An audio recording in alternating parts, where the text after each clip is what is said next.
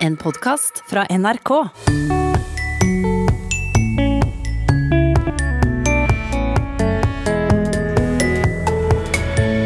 Barn og unge bruker mer engelsk enn norsk når de ser på YouTube og spiller dataspill. Jeg tenker det er veldig fint, da, fordi det på en måte samler hele internettsamfunnet. Da, og det samler alle som spiller. Men Medietilsynet og Språkrådet etterlyser støtteordninger for mer norsk innhold. Vi vet at de er storbrukere av YouTube. Vi vet at de bruker flere timer om dagen der. Den mediebruken må vi ta på alvor. Og i Språkteigens lille latinskole dukker den gule og blide blomsten solsikke opp. Ja, det er en av mine favoritter. Solsikke virker jo helt uh, uskyldig. Først i Språkteigen i dag om ungdom og mediespråk. En nylig undersøkelse fra Medietilsynet viser at norske barn og unge møter lite norsk på de medieplattforma de sjøl velger å bruke. Vel seks av ti sier de bruker engelsk når de er på YouTube, spiller dataspill eller ser film og serier. Nå etterlyser både Medietilsynet og Språkrådet bedre støtteordninger for å sikre et godt norsk tilbud på disse plattforma. Men først litt mer om undersøkelsen, og der har du noen flere tall, Knut Knutsen Eigeland. Ja, hvis vi ser blant 9-18-åringene som sier at de bruker mest engelsk i sin mediebruk, svarer 64% at de bruker mest engelsk på YouTube. Blant de som spiller dataspill, sier 63% at det går mest i engelsk. Mm, men hva med sosiale medier eller nyheter, da? Norsk er det vanligste språket å bruke på sosiale medier, men det er enda tydeligere norskbruk når barn og unge skal oppdatere seg på nyhetsbildet.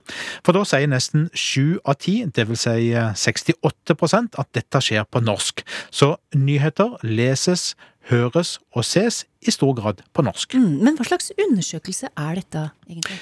Du, Medietilsynet undersøker jevnlig barn og unges medievaner.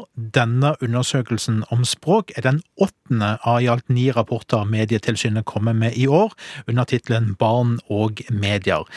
3400 9-18-åringer har svart, forteller direktør Mari Welsand i Medietilsynet. Vi undersøker jo mange forhold relatert til eh, barn og unges eh, digitale mediebruk, men dette med språk har vi ikke spurt om før.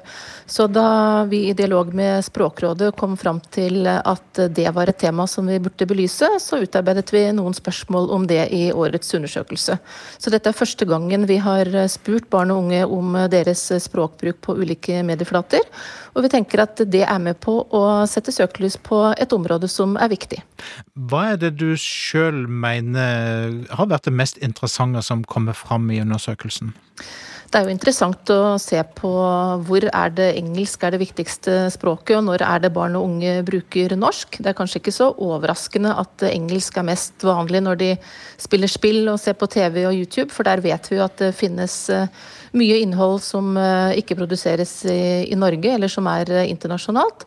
Og så er det jo veldig bra, tenker jeg, at mye av nyhetskonsumet skjer på norsk, for det indikerer jo at barn og unge følger med på nyheter fra det som skjer i deres eh, nærmiljø og deres eh, land, og det er jo viktig. Sier Mari Welsand i Medietilsynet. Hun skal få forklare mer, men først skal vi høre 15 år gamle Sindre Skudal Simensen. Han mener det er fint å komme i kontakt med folk fra andre steder i verden ved å snakke engelsk underveis i dataspillene.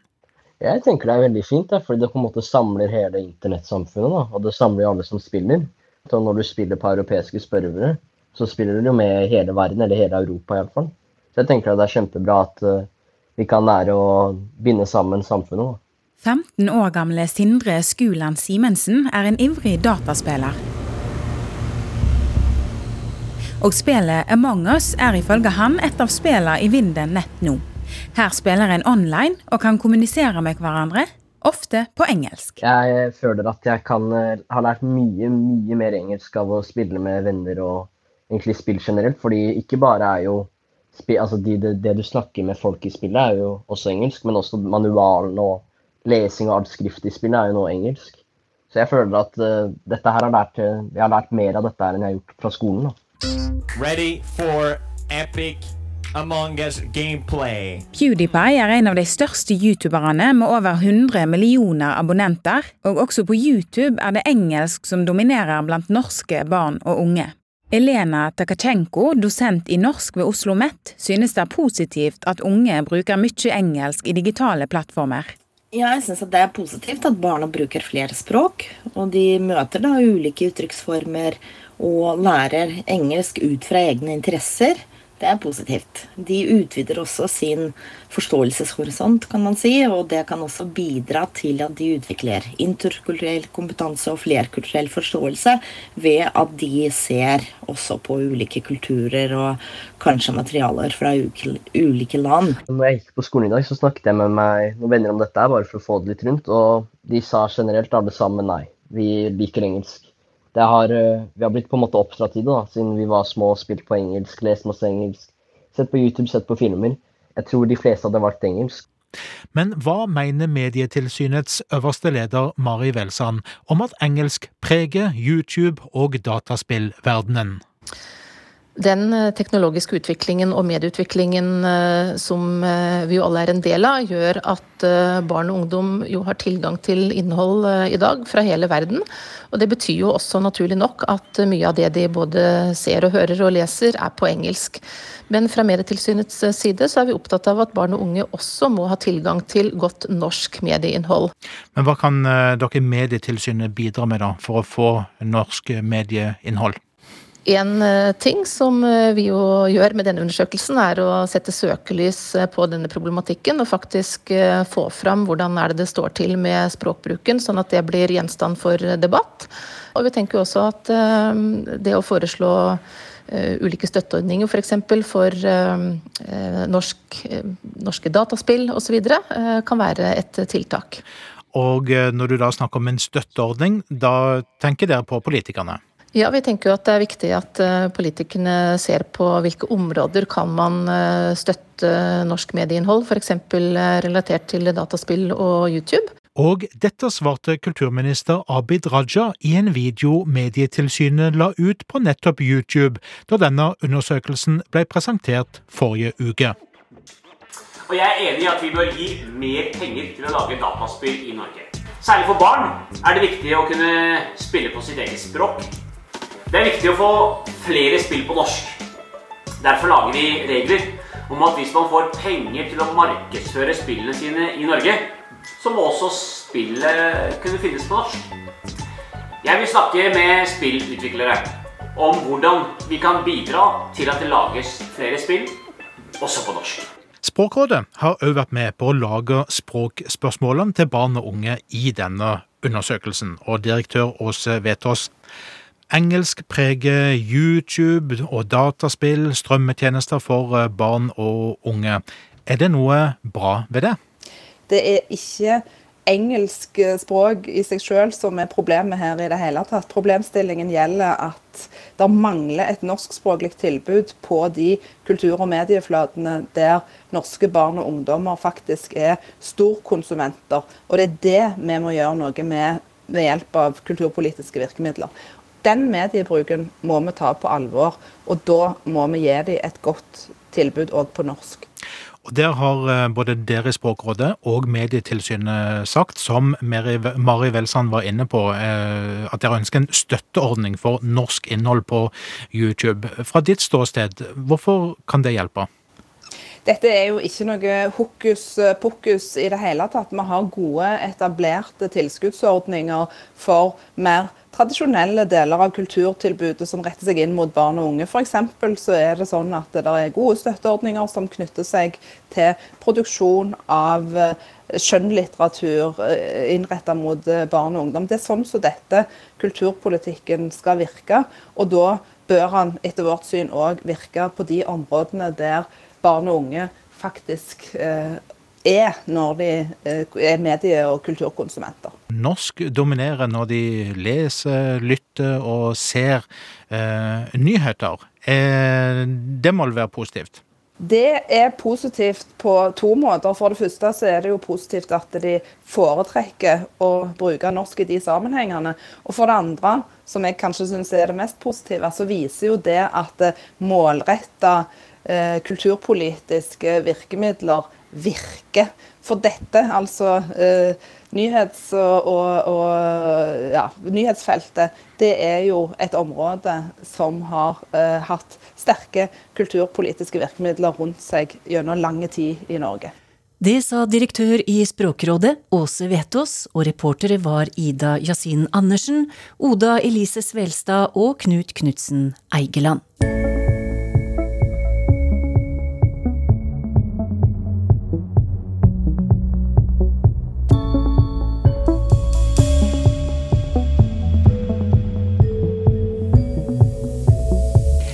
Latinskolen er på plass igjen i Språkteigen i dag. Lærer er som alltid førsteamanuensis i latin ved Universitetet i Oslo, Vibeke Roggen. Og stikkordet for dagens leksjon er oversettelseslån. Og hva mener du med det, Vibeke? Jeg legger i det at et sammensatt ord lånes inn på den måten at hver del i sammensetningen oversettes, og så settes det sammen igjen på det nye språket. Sånn som fjernsyn, Ja. på, som er satt sammen av det greske tele på avstand og det latinske visio, syn.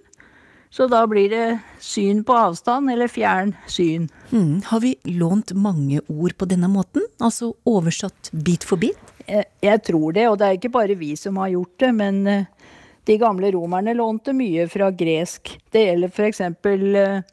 de grammatiske begrepene vi har. Veldig mange av dem er lånt eh, er, som oversettelseslån da fra gresk. Sånn som kasus, som, jo, som jo er mystisk for en del eh, folk. Eh, det betyr fall.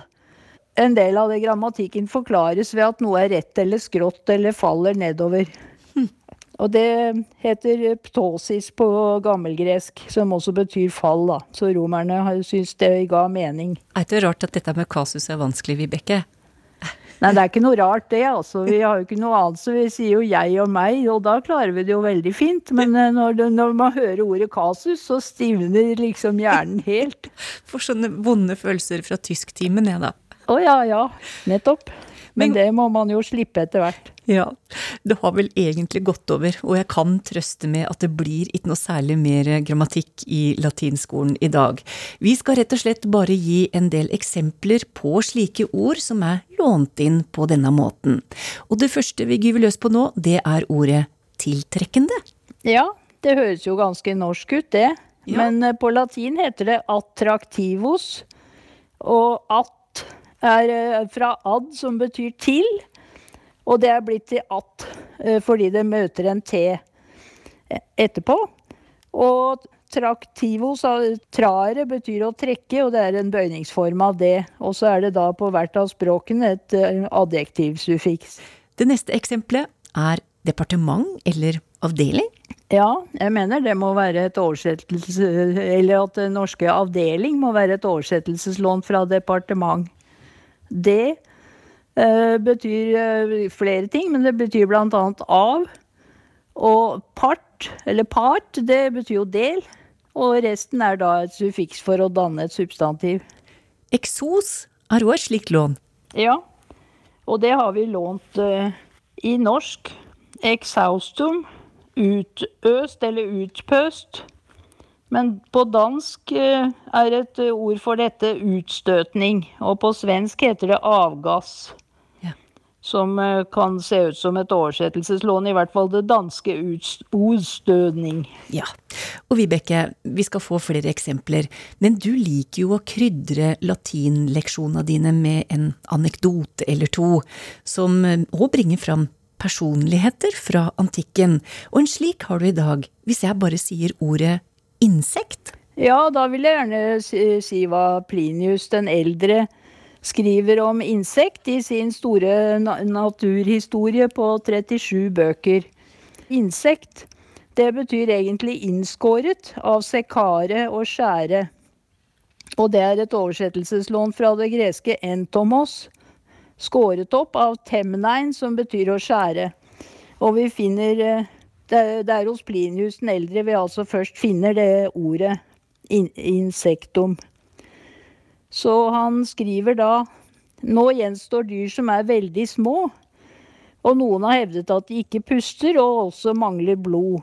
De er mange og av mange arter, med et liv som landdyr eller fugler. Og med rette kalles de alle insekta, det er flertall, da, av innsnittene som atskiller lemmene, snart ved nakken, snart ved brystet og buken.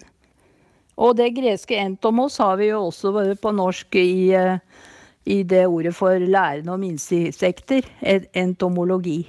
Hvem var denne herre Plinius, da? Han var en romersk embetsmann i tidlig keisertid, første århundre etter Kristus. I sine siste år hadde han eh, en eh, stilling som kommandør for en flåte ved Misenum i, i Napoli-bukta. Og i år 79, eh, i august, hadde Vesuv et stort utbrudd, som er veldig kjent. Fordi det, det utbruddet Da ble Pompeii og andre byer begravd av glødende lava. Og Plinius var altså med flåten, da, en hæravdeling fra eh, Var i nærheten der og så at det skjedde noe. og ja, det kan det forklares i, som en blanding av eh, vitenskapelig nysgjerrighet og pliktfølelse. At han tok med seg den troppen nærmere, da. Men han eh, omkom av de giftige gassene. Fra dramaet i Pompeii skal vi tilbake til flere eksempler, og vi fortsetter med ordet kvalitet. Ja, det beskriver eh, Cicero i en dialog, akademika, hvordan, eh, og der gir han ordet til sin samtidige, eh, språknerden Varro, som forteller at han, at han hadde dannet dette ordet fra det greske poiotes, hvordanhet, av spørrepronomene poios, som betyr hvordan på gammelgresk, da. Hvordan, av hvilken natur eller beskaffenhet. Og det tilsvarende pronomenet på latin er qualis, og abstrakte substantiv dannes ved suffikset tas. Og da hadde filologen laget ordet kvalitas. Hm. Så det betyr hvordanhet. Det betyr ikke at noe er spesielt bra eller spesielt dårlig. Og så er det noen ord som vi har henta fra kristendommen. Der skal vi starte med Den hellige ånd. Spiritus sanctus, eller sanctus spiritus. Så der betyr eh, spiritus ånd, og sanctus betyr hellig. Og spiritus har vi jo også lånt da i betydningen sprit, som er litt mindre hellig, da. Ja, men som vi bruker mye av nå. Ja, noen bruker mye av det. Og så er det hedning. Ja. Hedning eh, må, vil jeg tro, er gått via det engelske 'heaven', som betyr en som bor på heden, ute på heia. Uh, og det har engelskmennene da lånt fra latin. Oversettelseslån fra pagani, som betyr bønder og landsens folk. Og da hedninger, da, som ikke vet bedre. De bor langt ut på landet. Jf. uttrykket 'det må du lenger ut på landet med'. Ja, og som ikke har fått med seg det siste innafor eh, både det ene og andre. Nei, nettopp. Ja. Og Norge ble kristnet av misjonærer fra de britiske øyer, så det er ikke så rart med noe påvirkning derfra. Sannsynlig har hun et slikt lån? Ja. Det er nok uh, sannsynligvis inspirert av verisimilis. Similis betyr lik. Og veri er uh, en uh, kasusform da, av verum, det sanne. Så lik det sanne og dette har noe med filosofi og logikk å gjøre. At uh, vi kan ikke påstå at noe er sant, men det kan være lik det sanne. Så sannsynlig vil jeg nok mene er et oversettelseslån av det. Til noe vi ikke liker å være, men som òg hører livet til, nemlig nedtrykt. Ja, det har vi ikke lyst til å være, men vi kan jo godt lære noe om ordet. Ja. Det er et oversettelseslån fra latin. Eh, deprimere trykker ned. Jeg snakket om det i stad, at det kan bety forskjellige ting. Her betyr det ned. Og primere eh, Ja, det har forandret seg litt, men premere betyr å trykke. Deprimere trykker ned. Mm. Depressio en eh, nedtrykthet, eller som Der har vi jo lånt som depresjon, da. Mm, men vi kan jo ikke slutte med det. Det blir litt for stusslig. Så vi snur ryggen til depresjonen og vender blikket mot en blomst som gjør oss glad, og som har stått og nikka til oss nå på sensommeren, nemlig solsikke. Ja, det er en av mine favoritter. Solsikke virker jo helt uh, uskyldig. Og det, det, er, det, er, et låneord i norsk fra det latinske solsequium, og det som følger eller dreier seg etter solen. Men det latinske er et oversettelseslån fra gresk, heliotropon, av helios, som betyr sol, og tropos, dreining. Ja, det var dagens lille latinskole, det, med lærer Vibeke Roggen.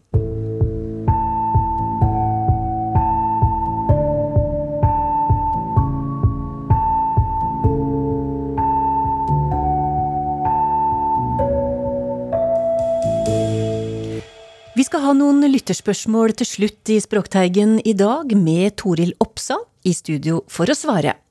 Og først skal vi til malerkunsten med et spørsmål fra Roy.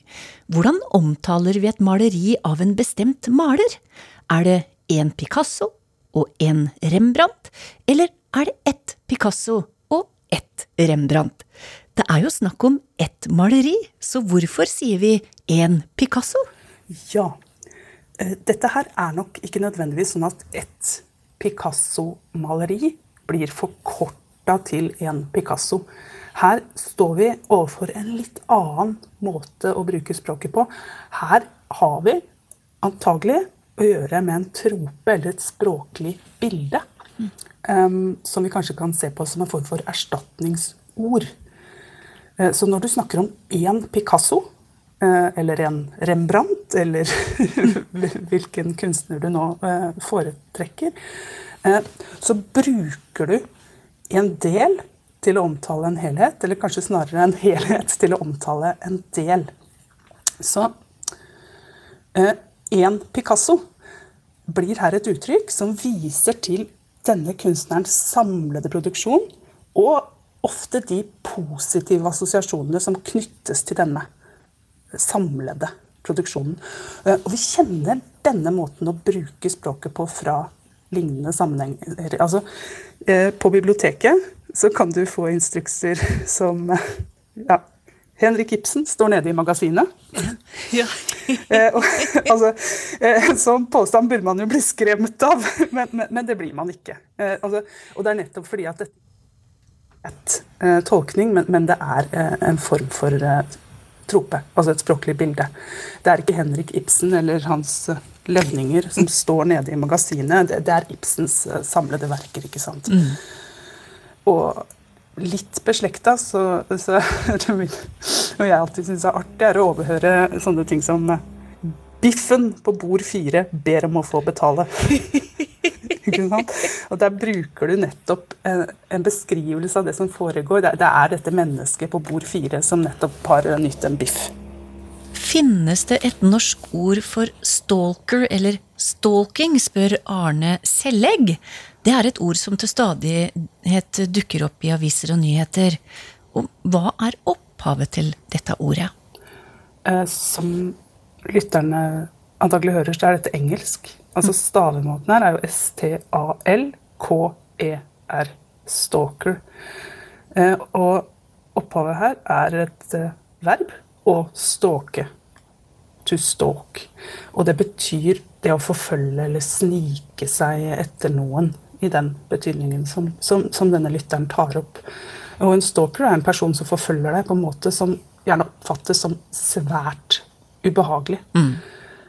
Eh, og vi kan jo si at uh, dette er engelsk. Altså Uttalen er jo i liten grad tilpassa norsk uttale. Jeg kan ikke foreløpig i hvert fall huske å ha hørt noen snakke om å stalke i denne betydningen.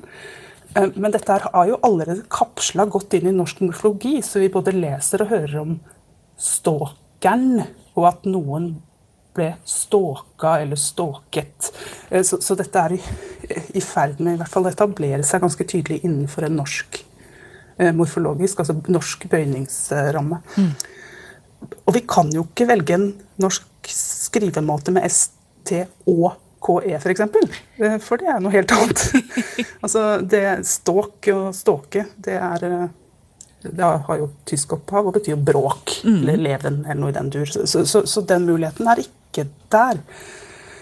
Det fins noen ganske så rotnorske ord med beslekta betydning her. Altså både et verb som å stalke og stilke. Det er belagt både i eldre dansk og i norske dialekter. Eh, og betegner det å gå og bevege seg på lange og stive bein. Eh, så kanskje vi kan bruke stalke i framtida. Altså, forhåpentligvis så vil jo færre måtte oppleve dette mm. fenomenet. Men vi har noen fine ord altså, som en forfølger, tenker jeg, kan være en god, en god mulighet å bruke på norsk. Eller hva med rett og slett en plageånd? Hm, en plageånd er det iallfall, det som på engelsk heter stalker. Takk til Tore Loppsahl. Har du spørsmål, send dem til oss på teigen krøllalfa nrk.no. Vi høres om ei uke. Ha det!